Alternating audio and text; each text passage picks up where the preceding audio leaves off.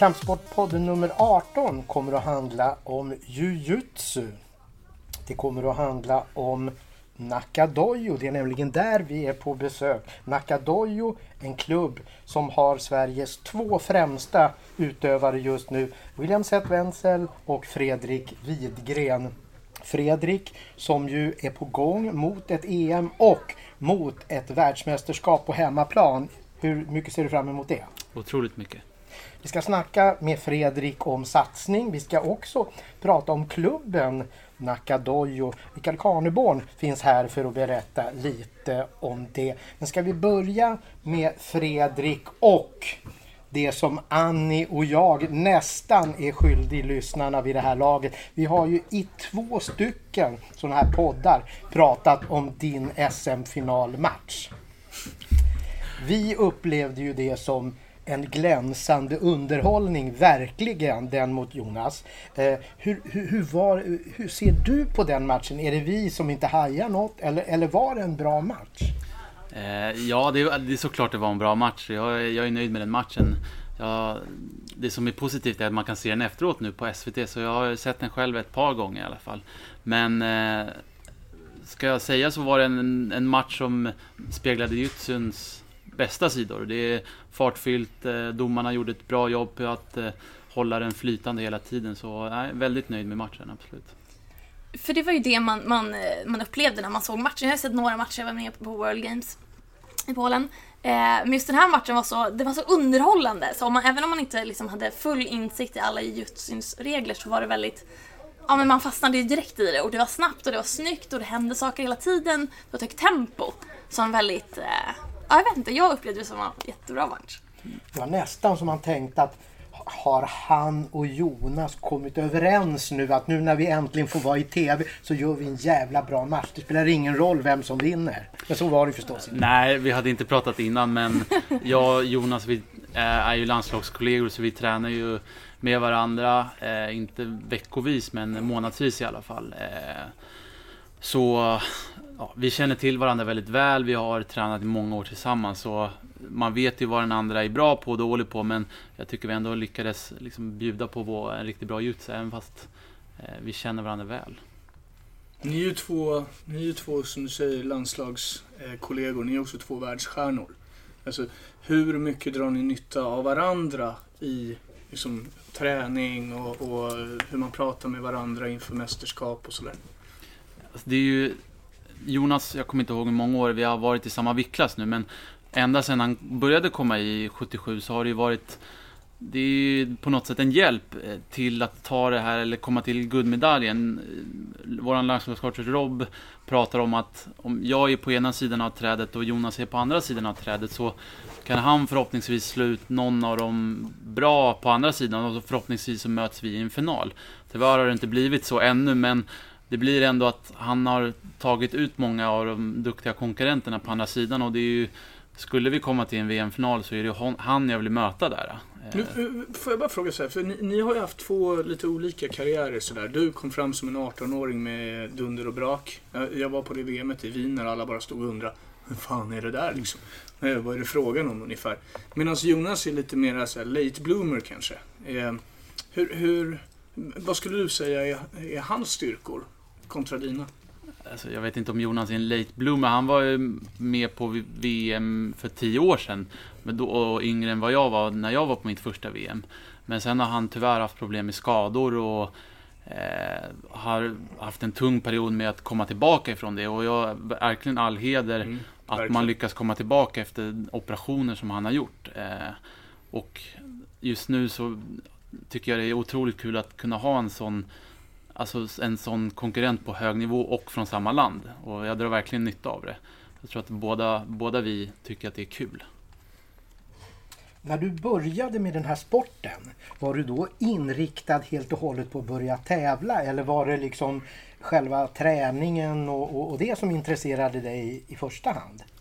Det var, det var så länge sedan men vad jag, vad jag vet är, eller jag har alltid varit en tävlingsriktad människa ja, när jag var liten så höll jag på med massor med olika idrotter. Jag simmade, spelade fotboll och ja, vad det nu var. Och har alltid tyckt om tävlingsmomentet. Och, eh, jag, jag vet inte om det var första året eller andra året som jag tävlade i jutsu. Då, ja, det, det är någonting som jag verkligen har tyckt om att tävla. Eh, jag tycker det verkligen är roligt. Så, så nej men det, det är någonting jag tycker om. Men jag vet inte, det har bara det har vuxit in liksom. Det har, vi har haft den kulturen på klubben hela tiden att tävla, träna för att tävla. Det har aldrig funnits att jag bara tränar utan det hela tiden varit ett mål att tävla. Jujutsu har ju nämligen haft någon sorts självförsvarsaspekt också som, som sportform. Är det någonting ni håller på med här på klubben? Nu är det det. Eh, vi började ju så. Nacka jujutsu-klubb startades som en klubb för att träna det som var jujutsu då när Ingmar Sköld då, som är min tränare och som är klubbens ordförande liksom gjorde jujutsu till liksom accepterad idrottsform kan man säga. Det var, de var ju Hans Greger, Ingmar Sköld, Björn Hornvall som liksom tog jujutsu till att vara knep och knåp till att liksom mm. omsätta det i någon form av idrottsrörelse. Och det var så vi startade.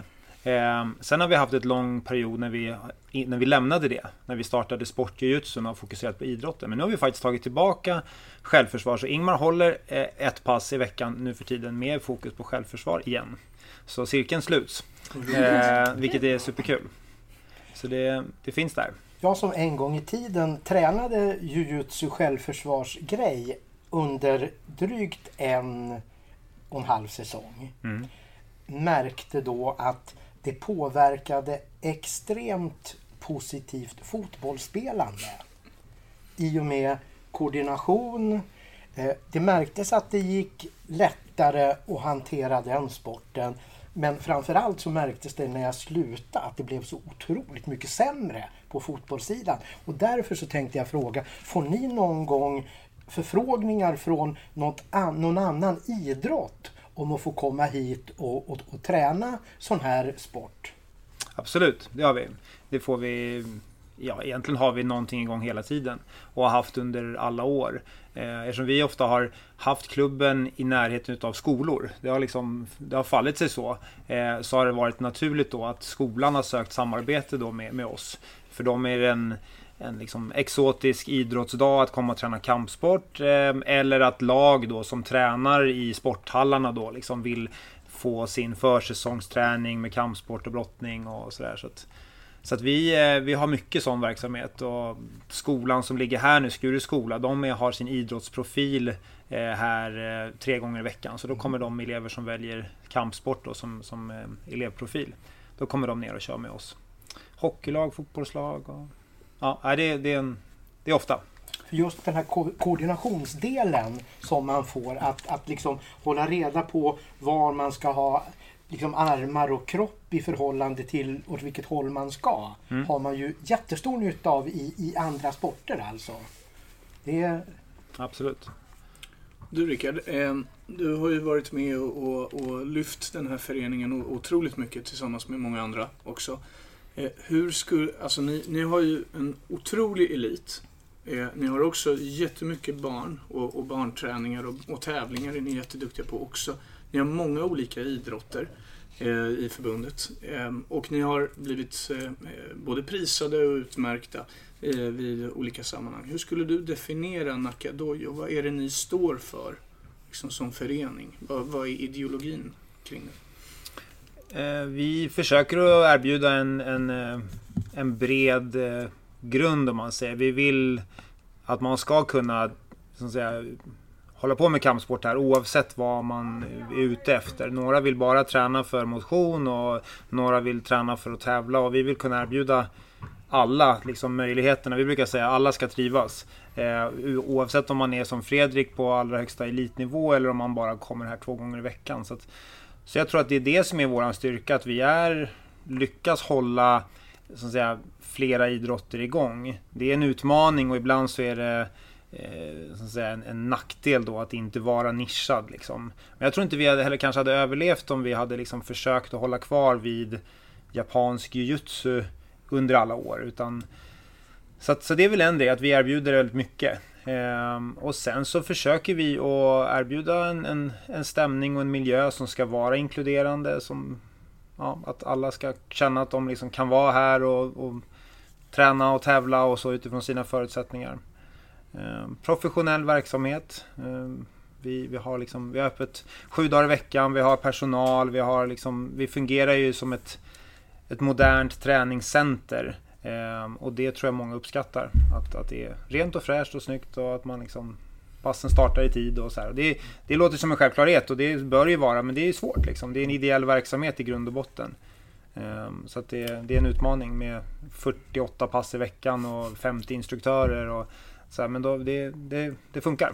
Om du skulle få, liksom, sorry, eh, om du skulle få beskriva en sånär som på, i alla fall, ordinär, ordinär dag för din del. Mm. Hur skulle det se ut? Liksom, som klubbledare? Ja, då börjar jag morgonen med ofta en fika med personalen här nere och stämmer av lite grann hur veckan blir och så här, beroende på lite grann vilken, vilken dag det är och så börjar det ofta så. Um, Sen sitter jag med administration med allt ifrån liksom, kontakt med er ibland till eh, ja, kontakt med våra samarbetspartners och planerar mycket. Nu för tiden är mitt, ser mitt jobb annorlunda ut än vad jag, vad jag gjorde när, ja, när vi liksom startade och vi var 100 medlemmar, nu är vi 1000. Det är klart att min, min roll har ju förändrats mycket. Men det är mycket planering och hålla liksom, så att säga, sätta tonen framåt hela tiden. Liksom. Vi har arrangerat mycket saker så jag sitter mycket i sådana projekt. Eh, våra tävlingar, sommarläger och klubbens interna liksom, verksamheter. En hel del kontakt med föräldrar ibland med, till ja, barn som liksom, det händer ju saker i en, en så här stor verksamhet ibland. Så, sådana grejer behöver jag ta i. Jag instruerar tre gånger i veckan på luncherna. Så vi har lunchträning. Eh, då kommer det folk och brottas här på lunchen. Um, sen gör inte jag, nu för tiden gör inte jag bara mina klubbgrejer utan jag har lite annat för mig också. Liksom. Ehm, jag är inte anställd 100% på att jobba på med Nakadojo utan jag gör lite annat också. Så en del av dagarna tas upp av Smoothcomp och lite mm. andra saker. Men ungefär så. Fredan, vad betyder Nakadojo som klubb för dig då i, i ditt utövande? det, är, det är här jag spenderar mest tid på dagarna nästan. Eh, jag kommer hit på morgonen innan det har öppnat, eh, tränar ett pass eh, själv oftast. Och sen kommer personalen hit på morgonen efter jag har öppnat det och åker till skolan. Och sen så kommer jag tillbaka på eftermiddagen. Jag håller två pass i veckan för barn, eh, 9 11 år. För att ja, jag har varit, jag vet inte hur länge jag har varit instruktör, men det är sen jag var 13-14 tror jag. Mm. Då, jag vet inte om det var Rickard som frågade, men vi har tradition liksom att man börjar instruera tidigt, går som hjälptränare och nu är jag ansvarig för barnpassen. Eh, så, sen så tränar jag själv här med ena pass. Det är liksom det här man har alla kompisar. Eh, det är här man har sin liksom, andra familj. Man hinner inte träffa så mycket andra eh, kompisar utöver att vara här. Vad säger kidsen då om att ha en storfräsare som tränare? Jag tror att, eh, jag brukar inte säga så mycket själv om mina meriter, men några av dem har föräldrar som säger det till dem och sådär, så de är, de är nog rätt imponerade eh, att när de får höra vad jag har för meriter och jag tror att jag förhoppningsvis så blir de inspirerade. Eller det är det jag vill. Jag vill inspirera dem att kanske göra samma resa som jag gör eller åtminstone vara kvar i sporten på något sätt. Det är verkligen att, att man kan erbjuda dem en livsstil på något sätt. Så. Jag kan instämma i att de blir imponerade. och det var ju, och det är så som våran, liksom, så här, om man ska kalla det för affärsmodell, liksom är. Det är ju att hjälpa någon som Fredrik så mycket det bara går så att han kan koncentrera sig på det han ska göra. Och det handlar ju tyvärr då om, om ekonomi. Liksom. Det är mycket det som det börjar ju där. Att man måste ju liksom ha, ha möjlighet då att, att kunna åka runt så mycket som han gör.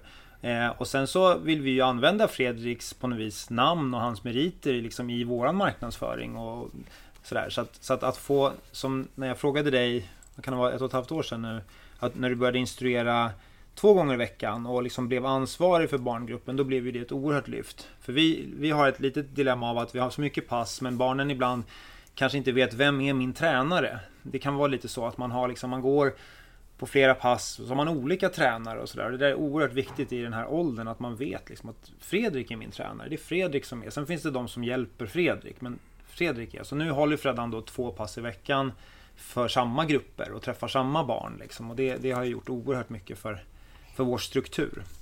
Så att, och det är klart att de är imponerade. Det, det smiter vi med ibland i lite information och sådär. Att de, har en väldigt, väldigt bra tränare. Liksom. Sådär. By the way. Ja, by the way. Exakt. Ser du någon blivande stjärna bland dem du tränar? Absolut, det gör jag. Det är många som är väldigt duktiga och barn har ju den förmågan att lära sig saker väldigt fort. Jag tror inte de riktigt tänker på vad de gör. Men man lär ut en teknik och så är den ja, inte fulländad, men de, de har väldigt lätt att ta upp, eller vissa av dem har väldigt lätt att ta upp rörelsemönster.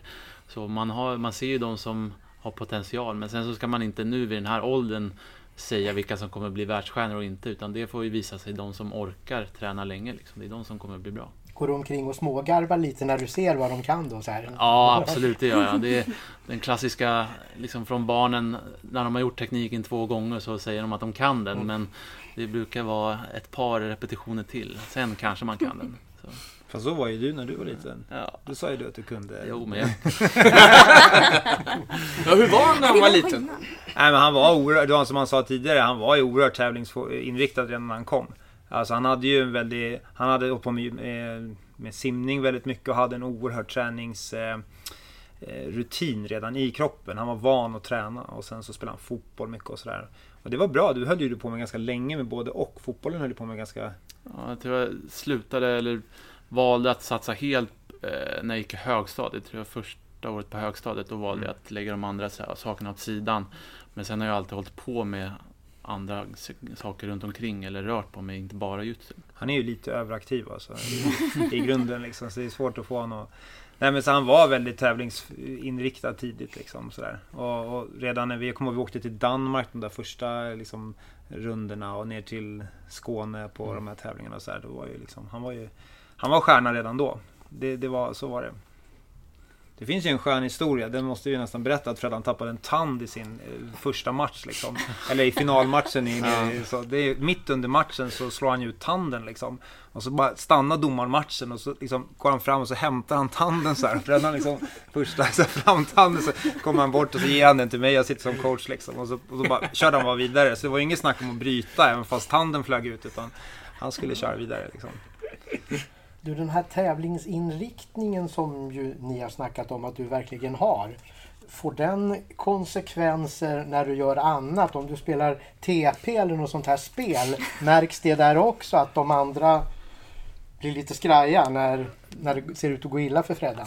Det är just kul att du tar upp TP, för det är mitt, liksom, eh, det är mitt spel. Alltså. ni, kan, ni kan utmana mig i TP, Åh fan, men jag är annars kung på det. Så Okej!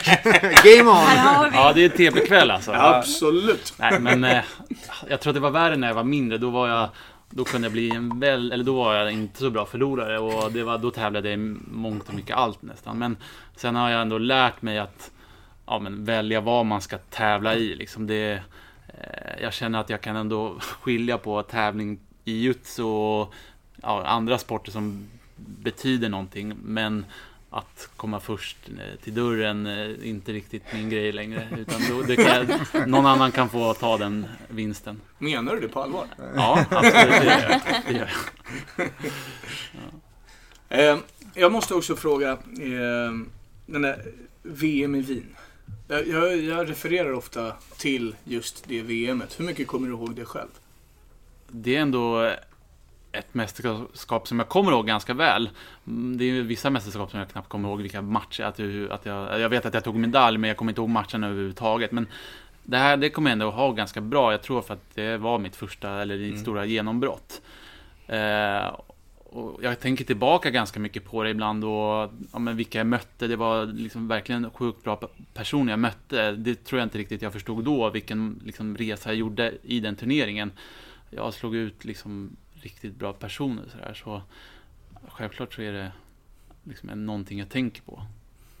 Du var ju. Konsa redan då. Vad sa du? Du var ju Konsa redan då. Ja, precis. Det var Konsa vi har ju liksom ni har liksom följts åt. Vi har ju följts åt, eller många av dem som var där då. Vi, det, var ju, det är de som jag har mött sen alla redan, eller som jag har, har varit i liksom resan fram till nu. Eh, eh, några har bytt viktklass och några har lagt av, men det är ungefär samma personer kvar. Eh, så man, vi känner ju varandra ganska väl också och det är det som är på ett sätt kul att man möter samma personer men matcherna blir ganska olika från gång till gång och det gäller hela tiden att hitta nya infallsvinklar på hur man kan ta den här personen. Så eh, det är väldigt roligt och de studerar igen mig själv också. De filmar matcher och de kommer ju med liksom ett, ett nytt drag och då gäller det att förhoppningsvis vara draget före dem igen. Eh, på att kunna ta dem. Mm. Jag har en fråga till båda egentligen. Ehm, när jag var nere på World Games nu i sommar eh, och när man åker runt och kollar på olika idrotter, nu är det ju bud och kampsporter för oss, eh, då har jag upplevt på just, i just sammanhang att det är ganska, alltså det är en väldigt så här, familjär stämning bland publiken.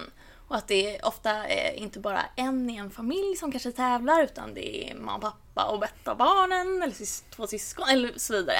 Hur, är det något som ni känner igen? Känner ni igen den bilden? För den tycker jag ja. stod ut väldigt, väldigt starkt när jag var där nere. Jag bara oj, här är mm. alla i... Jo men det, det var, eller min mamma började träna jutsu eh, och sen så fick hon mig och min syster att börja träna.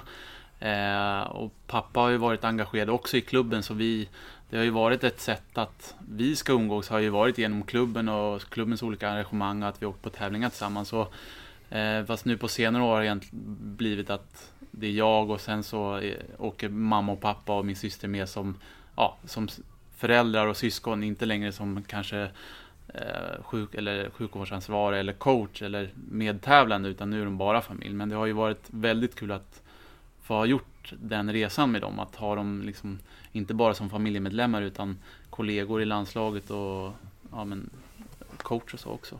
Men inte det är ganska vanligt också tror jag att det ser ut så. Så I vår verksamhet så kan jag se det jätteofta. Liksom att eh, det, någon börjar och sen så hakar syskon på och så blir mamma sugen och pappa. Alltså det, det är liksom mm. Helt plötsligt så har man hela familjen samlad under ja, under, under ett och samma ställe. Så, så, tror jag, så tror jag det ser ut på många klubbar. Och Ralf är ju rätt duktig också. Ja, precis. Ja, men det har ju varit ett sätt för oss, och, alltså min bror, mm. att umgås mer än vad vi kanske skulle gjort annars. Liksom. ja, så, att, så det är jag jätteglad för att vi liksom, förutom att vi umgås och gör andra saker ibland också, så har jag och Ralf en, en, en en kontaktyta här nästan varje dag som är jättevärdefull, verkligen.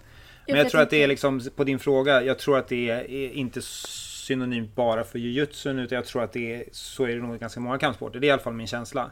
Att det är liksom, men sen här på, på, på Nacka så är det väldigt mycket familjer som tränar och är engagerade. Så är det.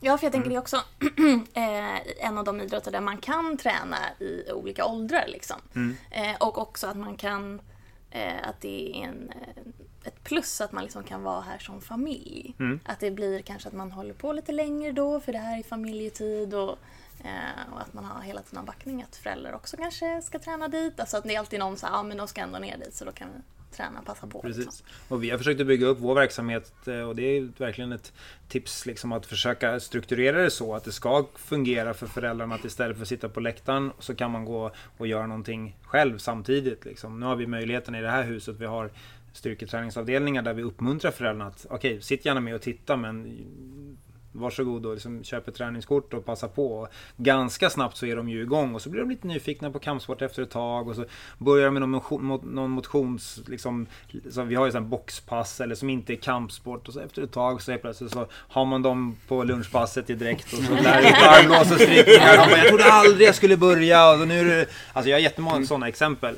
Där man liksom efter ett tag så hur började du egentligen? Nej men det var ju min dotter som började. Jag har aldrig tänkt att jag tyckte det var liksom Du vet den där lite såhär, vad det där? Krälla runt på marken och brottas eller slå och sparka på varandra. Och så helt plötsligt så är man hooked. Du bara, det kommer. Ja, det kommer. Men det, det, men det är ju det är så. Det är, kampsport är ju helt fantastiskt på så sätt. Det, är, alltså, det går inte att beskriva den. När man, de, de som har testat och blivit bitna liksom, av det. Det, det, det, man, det är något helt annat. Mm. Men beskriv kampsport då. Beskriv kampsport då, båda ni som ju håller på med det. Va, va, va, vilka är plussen? Vilka är plussen? Ja, men jag tycker man, det finns, nu har inte jag hållit på med massa andra sporter, men, men för mig så är det att det är, det är en oerhörd närhet i de människor som man tränar med. Man, det är svårt att liksom komma någon människa närmare än när man faktiskt på liv och död liksom, man försöker lite grann ha ihjäl varandra. Liksom. Och det, man, man har delat någonting som är ja, det, jag tror att det är svårt att omsätta det i en annan liksom, idrott. Eh, där man liksom har en boll emellan sig eller ett nät eller vad det nu kan vara. Kampsport är oerhört äkta. Och, och har man upplevt sådana liksom, strider med någon, då kommer man varandra väldigt nära.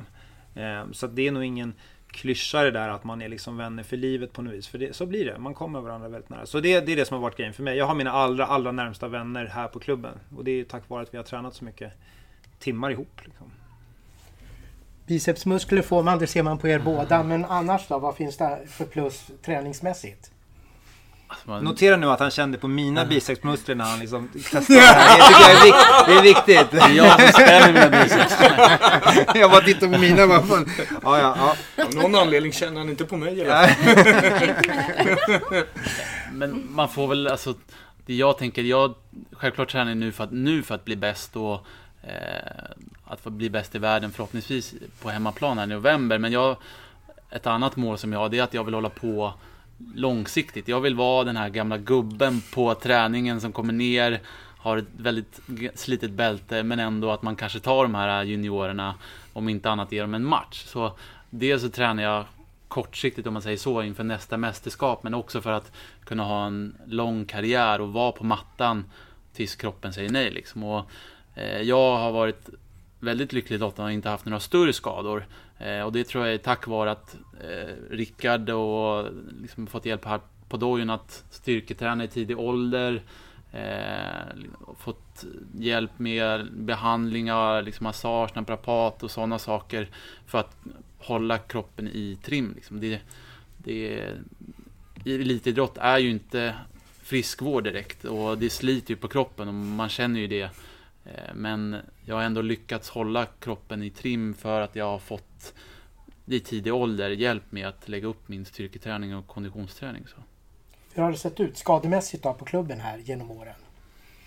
Ehm, totalt sett menar du eller? Mm. Ehm, ja, jag skulle inte påstå att vi har haft speciellt mycket skador men, men vi har ju såklart som Fredrik säger vi har haft många genom åren som har varit liksom på hög nivå. Vi har haft landslagsutövare sedan klubben startade. Liksom. 80, 82 startade vi och då tillhörde liksom ja, i stort sett hela landslaget i jujutsu då på den tiden så var ju liksom, vi har haft hela tiden har vi haft liksom många som har lagt väldigt mycket tid på, på, på att hålla på. Så det är klart att av, av alla dem så är det säkert flera som idag, mig inkluderad, går omkring och har rätt ont. Tyvärr. Ehm, när jag började så var, så var väl kunskapen tyvärr för låg liksom vad det gäller styrketräning och så. Eller vi liksom, det var nog lite tidens anda på något vis. Att man liksom, man körde på och sådär. Och Ingmar som har varit min tränare, han, han var oerhört skicklig på väldigt mycket. Men just när det gäller styrketräning så blev det aldrig en prioriterad liksom, del. Sådär. Vi styrketränade, ja, men det är liksom med, med de erfarenheterna som vi gjorde då, som jag själv har gjort, så har jag försökt att att hjälpa Fredrik som han nämnde tidigt och alla då att liksom förstå vikten av, av att liksom faktiskt inte bara träna och liksom köra på när kroppen säger ifrån utan bygga upp sig själv ordentligt. Så, här. så att jag tror att det ser, he- det ser helt annorlunda ut idag. Vi har mycket färre skador idag än vad vi hade då. Ehm, nu så tycker jag inte att vi har speciellt mycket saker som händer. Det är det vanliga liksom. Så här, saker som händer när man har en kontaktidrott. Men eh, vi har inte haft, vi har haft en allvarligare hjärnskada, alltså hjärnskada eller som en, en, en, inte så länge sedan som, som berörde oss alla som var liksom tuff. Så att en person som verkligen fick vara borta länge från en idrott på grund av en, en, en träff mot huvudet. Mm. Och det, ju- det, det, det sätter allt annat i ett helt annat perspektiv. En, en knäskada som är jättetraumatisk för Mm. den som det drabbar då blir ju tyvärr liksom o- oerhört underordnad. Det blir ju nästan liksom som att, ja ja, alltså, men så för huvudskallskador är så pass mycket allvarligare. Så, att, så där, det, det fick oss alla att liksom känna att så här, oh, det där var inte kul. Men annars så är det sådana skador som händer. Man slår i knän och fötter och sådär och det är inte mer med det. Det liksom ingår i, i den här världen. I all in- idrott egentligen. Ja, precis. Ja, det ska man säga. Men Lotta Schelin, fotbollsspelare, Mm. kan ju fortfarande inte spela. Hon har ju, fick ju hjärnskakning. Hon är inte frisk än. Nej. Så att det är ju ingenting som händer bara i... För det, det är ju liksom smällar mot huvudet kan man ju få i, i handboll, fotboll. Kanske inte i simning då om man ser Bra Kör karat. rakt in. Ja, Rakt in i kaklet Ja, som det heter. är- det är väl det som är det absurda. Sådana där idrotter som man inte tänker Mm. att det ska hända ligger ju före oss i Mm. sk- skadestatistiken. Så nu ska vi kanske inte ramla in i den debatten. Men den är ju alltid spännande att Ja. ta när man börjar prata om att kampsport är farligt. Och så inser man då att ja, men det finns Ja, nu hittar jag på något och simmare som har simmat in i kaklet och, alltså, och har allvarliga skador från det. Eller en fotbollsspelare som du Ja. nämnde som har en liksom skalls, hjärnskakning. Så att, visst, det finns risker och sådär och vi har haft skador här på klubben men jag tror inte att vi har varit mer eller mindre drabbade. Nej. Utan snarare tvärtom att vi har jobbat väldigt preventivt och liksom försökt att utbilda våra fighters tidigt. Att det är liksom, styrketräningen är en del av din idrott. Det är inte liksom någonting som du gör när du får tid över eller när du liksom, nu känner man för det. Utan man måste hela tiden styrketräna och rörelseträna. Jag tror eh, den här debatten, om vi bara ska gå in lite enkelt på den, så tror jag att skador och, och det eh, kring kampsport kan, eh, det kan eh, reduceras egentligen, brytas ner till en grej och det är fördomar. Eh, för att jag tror att liksom, om man tittar på de skador vi har haft i förbundet över, överlag inrapporterat så handlar det om liksom två, kanske 300 skador på 44 000 medlemmar om året. Eh, och det är ju, alltså, och de, de allra flesta av de skadorna, jag ser ju statistiken själv, handlar ju liksom om, ja, i princip nageltrång liksom. Alltså, eh, det, det är lindrigare små skador liksom. Men eh, det är klart, man ska alltid jobba för att för att eh, få bort det helt, men det går ju liksom inte. Men ambitionen ska ju vara där. Men Rickard, jag, eh, du sa någonting väldigt intressant som jag tänkte ta förut och det är det här med Nakadojo och, och landslag och, och hela den biten. Eh, för att jujutsu-landslaget har ju i mångt och mycket liksom, nästan uteslutande, så länge jag har varit på förbundet, eh, bestått av just Nakadojo eh, i, i princip.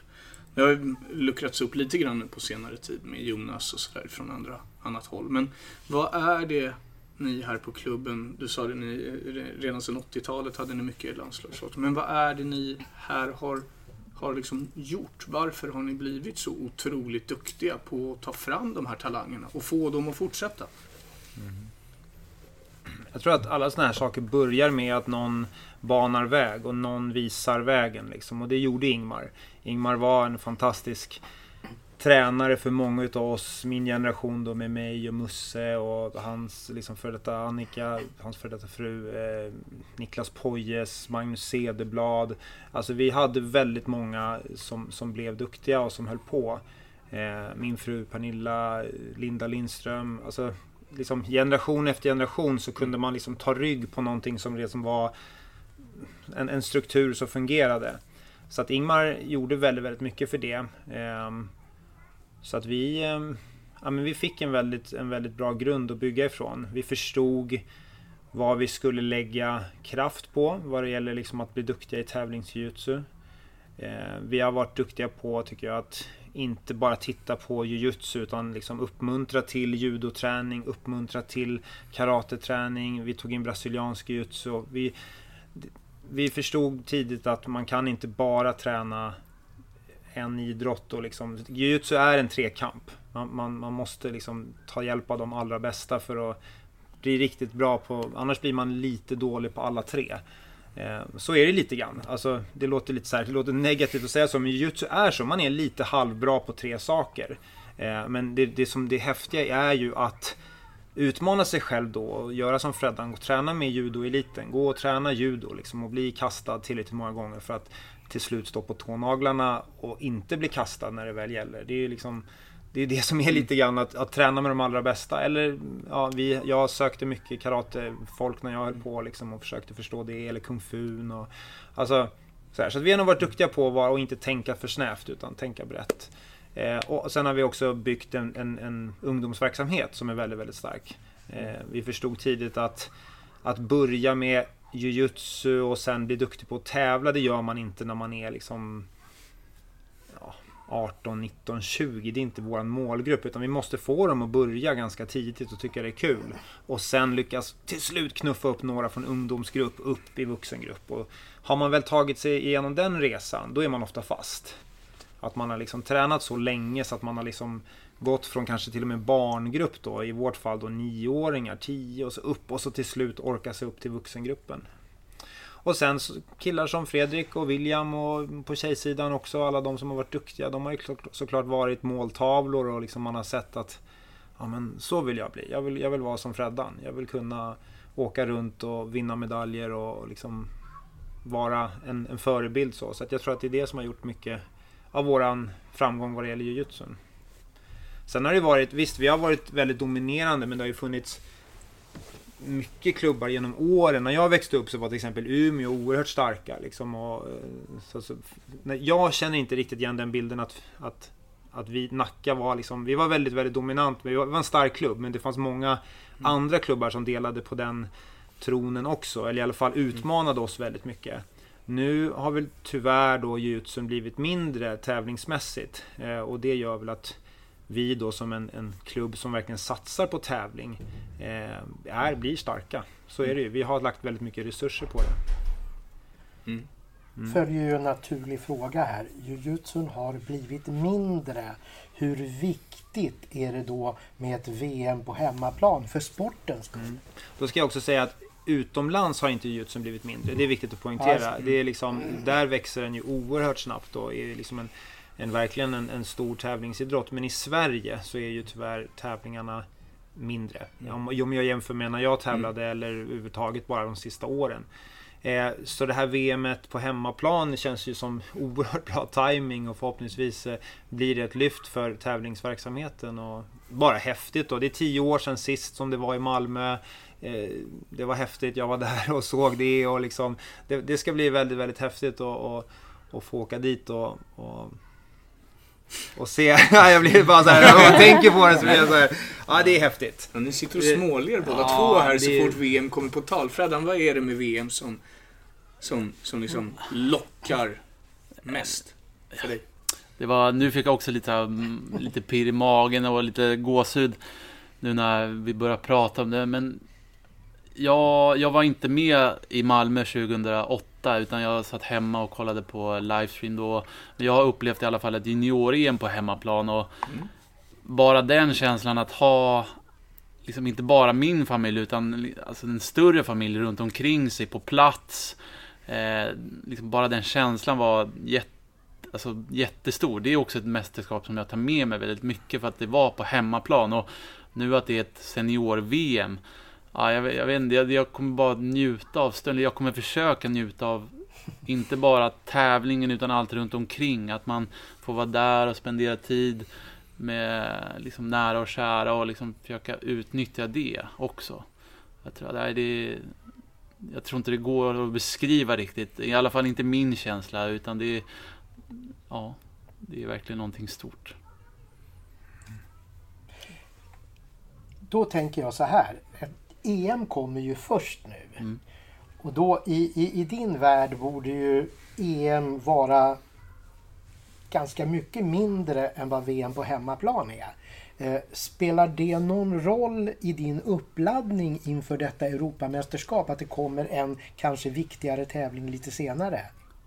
Ja, alltså EM, det är ju inte nu jag ska vara som bäst på EM nu som kommer i juni utan här, fortfarande att man testar saker fram till VM. Vi jobbar med nya grejer hela tiden och ett EM är då, som en, då ligger, vad är det, om det är fem månader fram till VM. Nu har man fortfarande chans kanske att testa lite nya saker eh, och se hur det fungerar. Eh, så självklart kommer jag åka till EM för att vinna, men det är inte det här jag vill det är inte här jag vill vara på topp utan det är på VM som jag vill vara på topp. Och jag kommer göra allt i min väg för att vinna, absolut. Men jag blir inte... Eh, jag kommer inte bli besviken om jag inte vinner. Utan det jag lägger krutet senare. Är det verkligen sant det där? Du snackar ju om din tävlingsinstinkt. jag kommer se. inte att vara besviken om jag inte vinner. Du får väl fråga efteråt om jag inte vinner. Nej. Nej, jag tycker du har blivit så duktig på det. Att för nu för tiden så finns det så mycket mästerskap att åka på. Eh, och Fredrik har blivit väldigt duktig på att förstå att det är, liksom det, är så, det är så den här cykeln ser ut. Att det går inte att vara på topp under ett helt år. Då, har man, då, då, trend, då, då kommer man tyvärr att formtoppa fel. Om han skulle vara liksom så bra han bara kunde hela året så kommer han inte lära sig några nya saker för han tränar för lite totalt sett då. För man kan inte träna på den nivån om man ska liksom bygga upp någonting. Så att jag tycker att du har blivit väldigt duktig på att så här, när vi när vi hörs på det där smset eller när vi träffas här på måndagen så är det så här, ja ah, nej men det, det, blev en, det blev en bronsmedalj eller det blev en femteplats och sådär. Och, och det, det, som, det får vara okej. Okay. Eh, även om du, jag vet att du vill vinna så är det liksom, mm. Och jag tycker också att, jag brukar mm. försöka säga det till dem som, för vi, han skämmer ju bort oss oerhört mycket, både han och William och alla som är duktiga skämmer ju bort klubben med medaljer. Och sen så ibland då när det inte blir en medalj, då blir det nästan lite så här, jaha, blev det bara ett brons? Men då måste man komma ihåg att det, det, alltså det visar så tydligt att det är på den nivån man är, att det, det är oerhört svårt att vinna det där guldet. Så när det bara blir brons så kanske det var en jättebra insats från Fredrik, men marginalen var liksom fel. Så att det, mm, det sätter det i perspektiv på något vis, att, att någon som Fredrik som är så duktig kan bara komma trea. Det, det, det är viktigt att komma ihåg det ibland. Liksom. Men du är duktigare på det än vad du var kanske tidigare. På att här, acceptera att ja, det går upp och ner. Ja, man kan inte gräva ner sig hela. Självklart är man ju besviken om man inte gör prestationer på topp eller vad det nu kan vara. Domarna kan man alltid skylla på. Liksom. Men man måste på något sätt ändå kunna liksom, gå vidare och ta lärdom av en sån förlust i sånt fall. Eh, för att, liksom att jag ser ibland folk som skriver på sociala medier om sina förluster, att de hela tiden skyller på något annat. Det var det här som var fel. Liksom, bara acceptera att du förlorade och sen så får man ta lärdom av det och gå vidare. Liksom, man kan inte hela tiden grotta ner sig för mycket i det man i en förlust. Liksom, utan det finns en, som vi har på klubben, eller som Ingmar har myntat, att är, man måste se till nästa match i sånt fall och ta lärdom av det som har varit. Det var ju, eh, nu är det ju ett par år sedan, men det var ju ett tag där då du gick till finaler och liksom inte riktigt tog dig förbi eh, hela vägen fram. Eh, men, men sen så kom den här segern i junior-EM på hemmaplan och så vidare och sen har det liksom rullat på lite bättre där, mm. eller väldigt mycket bättre där. Hur, hur jobbade du med det då? För det, det, kan, det kan jag tänka mig vara en sån här mental grej. Jag menar om man, om man följer fotbollen så, och tittar på det lag jag håller på så är det ju liksom... Vilket lag håller du på egentligen? Ja, det, du behöver inte prata fotboll kommer jag på just nu. Men, men det finns ju eh, derbyn där som inte går att vinna till exempel. Och det är ju bara huvud. Eh, hur mycket jobbar man mentalt med det liksom? Ja, alltså, Nästan bara huvud. Jag tror... jag tror... Eh, liksom jag länge ändå haft att jag vet att jag kan vinna mot de bästa. Jag har vunnit mot de mm. bästa hela tiden. Och, eh, men det var väl det där genombrottet eller jag tror det bara handlade, det, nu när jag utvärderar efter så tror jag det bara handlade om att, att komma till den där vinsten. Nu känns det som en, liksom, det var, förut kanske det var ett mål att komma till en final, men nu är det, jag har alltid, liksom, jag har alltid velat vinna, men den här att man kommer förbi det sista steget, kommer till finalen och vinner. Det var att man, att man kom dit och kände att det, det släppte lite. Det var någon, någon spärr som släppte. Och ja, man, jag har jobbat mycket själv och pratat med Rickard, mm. pratat med Ingmar och pratat med landslagscoach Rob liksom, om vad man kan göra. Och jag tror att det liksom, Rickard hade sin modell och Rob pratade om på sitt sätt. Och mm jag har lyssnat på dem men, och sen skapat min egen uppfattning med det. Eh, och jag känner mig, nu när jag är på tävling, känner jag mig mer lugn än vad jag var för ett antal år sedan. Eh, nu är jag väldigt liksom, avslappnad och, men ändå att jag kan behålla fokuset och det tror jag har hjälpt mycket till att vara lugn i finalen eller lugn hela dagen liksom, och kunna knipa det där guldet. När det gäller mästerskapsmatcher då, För det är ju ändå lite speciellt. Kan mm. jag tänka mig att, att liksom man känner lite i magen och, och, så här. Hur, hur ska en dag på ett mästerskap inför en match vara för dig för att du ska känna att det är optimalt? Alltså jag försöker inte att skapa en modell för att se hur det är som optimalt. Utan det, skapar man någonting som man vill ha och så går det fel, då kan hela ens värld rasera. Utan jag försöker hela tiden ja, men, ta det som det kommer. Ja, man, man får lösa problem efter vägen. Eh, självklart så kanske man har någonting att ja, men man vill värma upp självklart innan inför matchen. Så här, men ibland kanske det blir att du bara ropas upp fem minuter innan du vet att du ska köra och då får man ta den liksom, bollen därifrån eller ta det därifrån. Så jag försöker egentligen inte skapa något liksom, optimalt eller så här vill jag ha det för då kan det liksom bli fel i hjärnan om, man, om det inte blir så. Utan jag försöker hela tiden bara ta det som det kommer. Så det funkar för mig. Det där hör man ju av många andra i, inom den här branschen. Jag tänker inte minst på de här stackars thaiboxningstjejerna som eh, kan få reda på att den där matchen de skulle gå tidigt på morgonen kan någon ringa mitt i natten och säga hur det blir ingen match. Så att jag, jag, jag förstår verkligen eh, att, att du har satsat på, på, på, på att ha den känslan att inte ha någon någon inrutad grej som många andra har ju det att de ska sätta på sig strumpor i en viss ordning och saker och ting ska ligga på ett speciellt sätt i omklädningsrummet. Men det går inte i den här sporten helt enkelt. Nej, man måste vara anpassningsbar och eh, ja, annars så tror jag inte riktigt kommer fungera. Lösningsorienterad brukar vi prata om. Mm. Liksom att så här, det, om, du, om du ser problemen som dyker upp och så låter du liksom din nervositet bara liksom dränka all form av inspiration för att saker som inte kan påverka och på en tävlingsdag eller överhuvudtaget på en resa till en tävlingsdag så är det så många saker som kan gå fel. Eh, så att om jag skulle liksom sådär, försöka få den perfekta resan tillsammans med den perfekta maten och det, såhär, det, det kommer ju inte gå utan jag måste ju vara lösningsorienterad och bara okej okay, det hände, det här hände. Kan jag lösa det? Nej det går inte. Då, då får jag bara liksom acceptera det. Så att, ja, där, där, där har vi jobbat ganska mycket med och där är du väldigt klok och väldigt så här, lugn i stunden. Mm. jag, tänkte mer liksom bolla tillbaka lite så här hur, hur klubben eh, arbetar med just de bitarna som Freddan beskriver. För det tycker jag är väldigt intressant. Det här liksom, eh, det, det, är ju lite det tror jag. Du beskrev det också att man har varit med förut och så kommer nästa generation och så kan man lära av varandra och sådär. Eh, eh, jag pratar mycket med thaiboxarna, jag pratar mycket med MMA och sådär också. Det handlar om att liksom, försöka utbilda sina adepter på något sätt i det här som man själv har haft inom sig när det är dags för mästerskap och så. Hur, hur jobbar ni här på klubben med just de bitarna? Att försöka förbereda och... Förbereda våra fighters liksom. Ja, ja. precis. Ja, men grunden ligger någonstans i, i, i mycket träning. Liksom det, det, det börjar någonstans där. Man måste vänja Eh, utövarna vid att för att bli bra så tar det lång tid och du kommer behöva träna väldigt mycket. Och av tuff träning så på något vis fogas man ju. Man liksom, man, träningen på något vis fogar en till att bli en viss typ av person. Man börjar välja bort saker som inte är bra för en. Man börjar att ta beslut som liksom påverkar en i ens totala idrottskarriär. Ehm, så att, att bara få hit dem oft, mycket, det är, liksom, det är det jag kämpar mest med. Och det är väl, kan man säga, det är det som är den stora frustrationen som tränare när man ser och känner en sak själv men inte får den att liksom riktigt så korrelera eller man märker att det, det, tar ett längre tid. Med honom, nu pekar jag på Fredrik, så har ju det aldrig varit ett problem. Jag har aldrig någonsin behövt jobba med den biten. Vi har aldrig haft en sån diskussion, jag och Fredrik, huruvida att han inte tränar.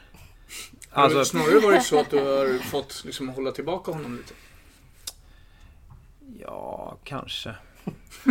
alltså, ja, inte hålla tillbaka, nej. nej. Alltså, Ja, jag liksom, jag, på riktigt, den, hela den pusselbiten, man brukar göra sådana här liksom pie charts på vis, här, vad, mm. olika komponenter som bygger en elitidrottare. Men hela den, den pusselbiten kan jag liksom ta bort i, i våran relation och, och det är likadant för många andra här också.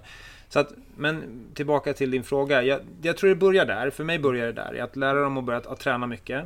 Eh, och sen så ha duktiga ledare. Eh, som, som, och det där för en klubb så, så går det där i, i perioder. Ibland så, som det är en ideell verksamhet. I, i, I alla fall i vårt fall. I nästan alla fall av tränarna så är de ideella. Det innebär att helt plötsligt får man den där tränaren som har kunskapen, tiden och engagemanget och så har man en sån här gyllene period i några år där allting fungerar oerhört bra. Vi har haft några sådana perioder. Eh, Fredrik växte upp med min fru som tränare och hade liksom henne under liksom nästan tio års tid liksom, som en, en, en, som en någon som var oerhört engagerad och som, var, som hade en, en elitkarriär själv och som hade gjort hela den resan. Och då fungerar ju allt på klubben. Då liksom, när, när, när man får in någon sån person och sen så har vi haft flera sådana personer genom åren då som har haft det engagemanget. Då blir det väldigt lätt.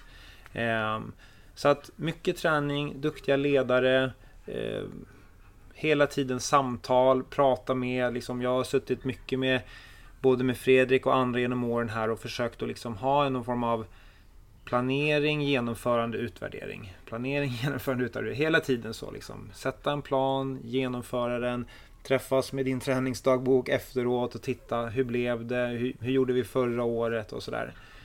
Så att, ja, jag vet inte. Jag vet inte om det var svar på frågan riktigt, men jag tror att det är, liksom, det är så någonstans det, det måste börja. Sådär. Sen önskar man ju att, att, att det var, kunde vara ännu mer professionellt än vad det liksom vad det är. Ibland så, så vill jag ge ett, jag vill ge ett jätteproffsigt svar och säga, oh, men du vet, då jobbar vi så här och så här. Och, fast mycket är ju inte så. Mycket är bara, det blev som det blev. Men anledningen är väl att vi har hållit på väldigt länge så det blir på något vis ganska rätt ändå. Ja, mm. ja men alltså lite krasst så. Det är inte så att allting är supergenomtänkt och att vi liksom, ja.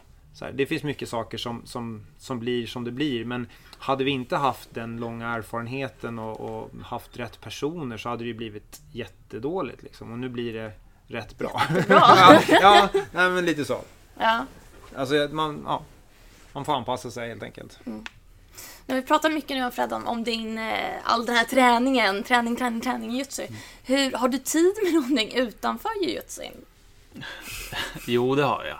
jag. Jag har en flickvän hemma som eh, jag spenderar Tycker mycket... hon om jujutsu? Ja, eller hon, hon håller själv på med taekwondo. Ah, okay. eh, så hon är i alla fall insatt i kampsportsvärlden. Eh, men hon blir ju liksom, det, jag ska inte säga att vår relation blir lidande, men mycket fokus blir ju liksom att vi ska få schemat att gå ihop. Liksom jag tränar, hon har sitt och liksom att man ska kunna träffas den tiden då jag är hemma och ja, när man väl är hemma så kanske man är trött och men hon är väldigt förstående med det. Eh, och sen så, nu bor jag inte hemma längre men det blir att man inte spenderar så mycket tid med sin familj men när man väl träffas så har vi väldigt kul. Vi brukar oftast göra någonting då. Eh, vi spelade badminton här i eh, i helgen och eh, tyvärr så det var det par mot par så det var syrran och hennes man, mamma och pappa och så jag och Louise. Eh, men eh, gammal var äldst. Ja, jag tog det. Det är jävla skönt bara, att se. Det var ja. oerhört tillfredsställande som Facebook eh, liksom scrollare och bara se att ni fick stryk. Ja, Sara, Olle, du och ja, det var oerhört Farsan är skönt. riktigt vass på bädden. Han är alltså. Ja, han är bra. Så, men det är, ja, vi gör sådana saker och umgås med varandra när vi väl har tid. Mm. Men självklart så blir det mycket tid går ju åt här och det är ju folk runt omkring en som det tar tid ifrån. Jag hörde om ett MMA-par en gång som eh, eh, körde tekniker hemma. Eh, en te alltså den som förlorade tekniken fick ta disken. Mm -hmm. Nej, det är, det är jag som tar disken hemma. Så. nej, vi brukar såklart man så här skojbråka lite och sånt hemma och det faller in en, en liten spark eller ett kast ibland. Så det kan ju hända. Du, eh, Rickard, hur ser framtiden här på klubben ut nu? Är den mest nära förestående? Um, ja, vi börjar närma oss ett sommarläger uh, i slutet på augusti. Vi har um, tävlingarna som vi har pratat om. Fredrik och de ska iväg. Ja, vi tävlar ju i många olika idrotter så vi, nu i helgen hade vi fem olika tävlingsgäng ute liksom i olika delar av världen. Så, här. så det var en så oerhört intensiv helg då. Det var folk i Barcelona, det var folk eh, överallt kändes det som. Så att vi har ju saker hela tiden. Men eh, närmast nu är, vi ska ha en avslutning för hela klubben här den 2 juni. Då har vi planerat att införa en lite ny rutin så vi ska samla alla på klubben under den dagen och ha lite som så här öppet hus här och lite graderingar både för barn och vuxna och sådär. Ehm, sommarläger i augusti. Sen börjar ju på något vis fokuset mot, mot VM då. Det blir liksom, jag har pratat lite snabbt med Freddan om det att vi ska försöka och intensifiera våran, för han tränar ju mycket. Jag har tyvärr inte den tiden eh, just nu att liksom vara med på alla träningspass och så här, men vi har pratat om att både han och William och jag ska vi ska köra mer intensifierat då mot, mot VM. Så det ser jag fram emot. Och verkligen avsätta tid i min vardag då för att hinna med och liksom vara med på de här morgonpassen och liksom, ja, verkligen göra ett bra upplägg inför det. Liksom. Ehm, ja, vad händer mer? Ja, det händer så mycket hela tiden. Jag vet inte. Vi planerar inför våra tävlingar såklart. Det är en stor del av vår verksamhet här. Det är att arrangera Nordic Jiu-Jitsu Cup i oktober. Jag fick datumet igår bekräftat. Ehm, och ehm, så det börjar jag väl liksom planeringen för. Nu hade vi hoppats kunna göra den här jujutsu-tävlingen till en stor tävling med, med tanke på att det är VM då i Sverige. Men vi får se om vi liksom får till det. Ehm, så att vi får lite mer internationella besökare på den tävlingen. Annars rullar det på. Mm. med våran verksamhet. Den är, ja, det händer grejer hela tiden. Mm. Befinner ni er någonstans i ett läge där ni gör precis så mycket ni kan och nu går det inte mer om ni inte får in fler folk som hjälper till? Eh, ja, det skulle jag vilja säga är en ganska bra sammanfattning. Den, det hände för ett tag sedan. Då kände vi att med den strukturen vi hade med ideell personal eller person ideella instruktörer så, så liksom kom vi inte så mycket längre. Jag, jag jobbade väldigt mycket bland annat då genom att anlita då Fredrik på det sättet som är nu. Då vi har några som är liksom betalda instruktörer nu för tiden som vi betalar lön för helt enkelt. Eh, och det har gjort att vi, vi har liksom kommit vidare lite grann vad det gäller det här som jag sa tidigare att ge barnen svar på frågan vem är min tränare? Nu har vi fått några instruktörer som tar mera pass eh, och, och, och, är helt enkelt liksom med på alla de passen som barnen kör. Så att man, man känner det att ja, men jag har, det är min tränare, han är med på alla mina pass. Så att jag tror att de flesta ideella idrottsföreningar till slut kommer till ett sånt vägskäl på något vis. Att nu, nu kan vi inte kräva mer av, av de ideella krafterna. Och antingen så går man under utav det och så blir det att alla slutar eller så gör man så som vi har gjort nu. Då ser man till att istället engagera några lite mer. Och det, det, det har vi gjort nu och jag är jätteglad över att, att vi har kommit till den ja, till, det, till det upplägget liksom. Sådär. Samma sak på tävlingarna också. Sådär. Det, det, det går ju men det, det, är tufft för de som engagerar sig i att hjälpa till en tävlingshelg för det är mycket jobb. Så att. Ehm, nu tycker jag det fungerar väldigt bra. Vi var också under en period väldigt mycket folk här i huset. Vi var nästan lite för många medlemmar under en period för att hinna med helt enkelt. Det var växtverk så det bara skrek om det i, i det här huset. Så att eh, nu börjar vi liksom nu, om vi skulle bli så många en gång till. Vi var nästan uppe på drygt 1200 medlemmar. Eh, och det, det krävdes väldigt mycket av oss då. Vi var inte riktigt beredda på det. Om vi skulle få det nu, då tror jag vi skulle vara mer förberedda på det. Nu har vi liksom byggt en bättre grund på instruktörssidan. Skulle jag vilja komma tillbaka där vi började. SM-finalen som vi har hyllat flera gånger och som du sa att du hade tittat på två gånger i efterhand mm. och var nöjd med din match. Har du fått några reaktioner utifrån? Finns det någon annan som delar Annie och min uppfattning om, om, om att det där var en häftig match eller, eller har den bara passerat? Nej, absolut. Det är många som, många som såg den, eh, kollade på TVn eh, och sappade på ettan och såg oss live där. Eh, och fått väldigt bra reaktioner och många som tyckte att ja, tyckte det var intressant, började söka vidare och kolla vad Jutsi var, de som inte riktigt hade koll. Så väldigt positiva reaktioner, absolut. För, för, förutom då att, att er match var ju en fröjd och det var ju på något sätt fint att det fick kröna det där ganska korta passet. Men det var ju en annan match som fascinerade mig. Det var den här tjejen som kom från judo och som mötte en jätteung tjej som var mest fokuserad på att sparka och slå.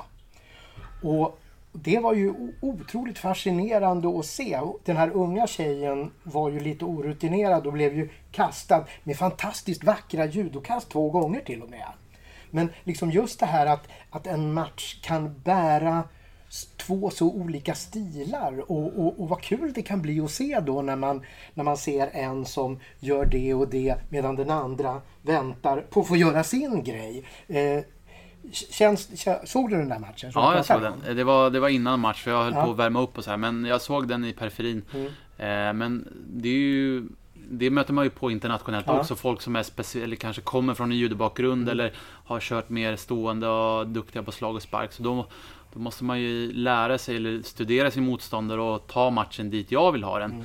Och det är väl ändå en av mina styrkor just nu att jag är väldigt allround och kan Eh, möter jag någon som är bra i judo så kan jag hålla matchen stående men eh, ändå lyckas hålla mig från judon och kunna parera den där och kanske lyckas få in ett kast.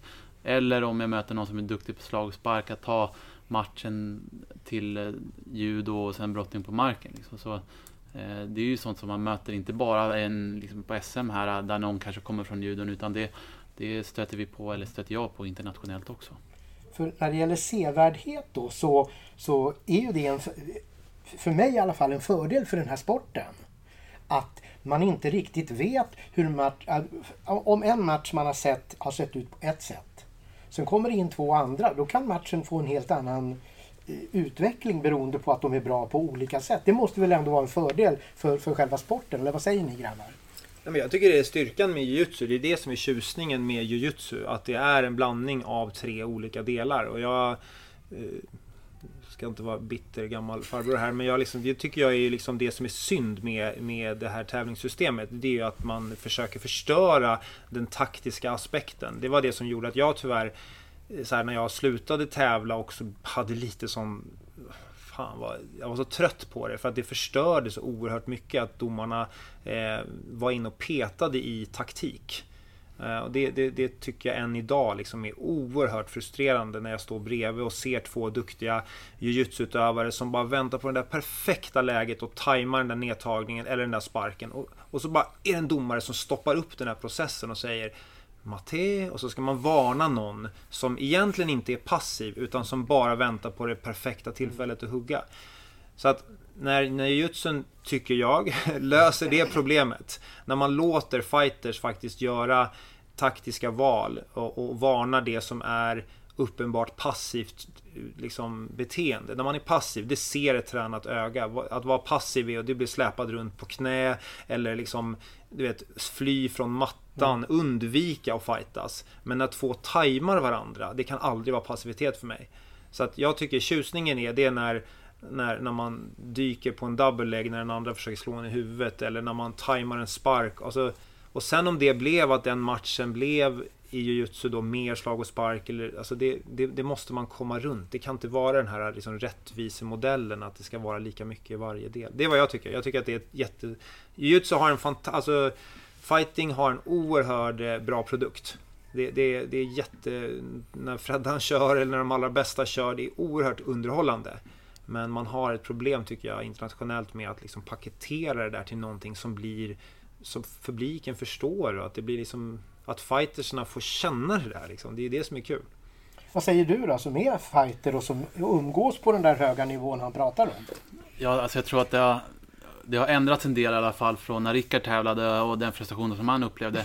Eh, nog att processen kanske är ganska långsam och det tar tid för konservativa domare att eh, liksom släppa upp lite. Men eh, jag, som jag sa i början så berömde jag domarna för Mm. att de var, de var väldigt, de gjorde, de störde inte våran match så mycket, eller störde och störde, men de gjorde inte så mycket stopp under matchen, vilket att vi fick visa upp hur fantastiskt just kan vara.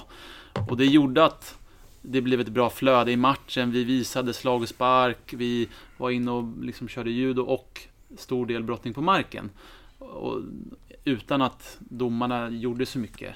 Eh, Så Det vill jag inflika nu om det är någon som lyssnar och sitter och är irriterad på det jag sa. Det, jag men, det, Mm. det var en väldigt bra Absolut. exempel på det. Det finns jättemånga duktiga svenska domare.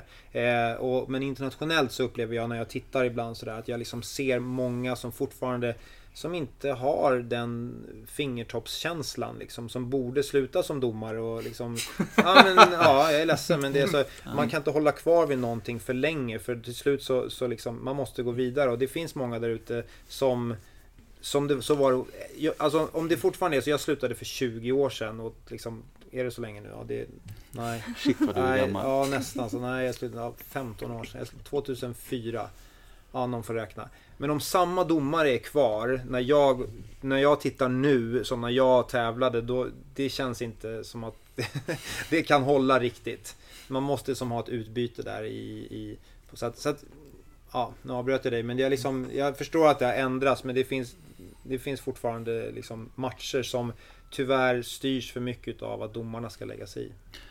Självklart så är det ju frustrerande när det blir liksom en det mest frustrerande är när jag själv inte kan påverka min utgång av matchen. Hur bra än jag är så kan jag inte påverka vad domaren gör. Och det är ju det, är det mest frustrerande man kan uppleva. Och då finns några sådana matcher som jag upplevt och då blir man nästan liksom, ja men man mm. bara slut med armarna, vad ska jag göra? Eh, och som tur är har jag en, våran landslagscoach Rob är, han visar ganska mycket känslor på mattan och visar då vad han tycker om det. Och nu, det håller, jag tror ändå håller på att luckras upp att eh, dialogen mellan coach och domare har blivit mycket bättre. Förut så var det att man inte kunde bryta och kommunicera den vägen förut överhuvudtaget. Men nu kan man i alla fall få en konversation och eh, de går in och kollar, reglerar poäng så det håller på att bli bättre och jag är väldigt glad för det. Liksom att man kan i alla fall nu kan mm. fråga domaren var det, varför gjorde ni det här beslutet? Ni missade en poäng och så att det, det börjar bli bättre. Men som sagt, det är ju tråkigt när det blir de gångerna då en domare är med och bestämmer utgången av matchen. Det vill man ju inte. Tack så mycket för att ni kom med. Mm. Tack. Tipsa oss gärna. Om du vill att vi ska ta upp ett specifikt ämne eller intervjua en speciell person, mejla dina förslag till annie.budo.se så tittar vi på om det kan bli aktuellt för Kampsportspodden. Tack för ditt tips!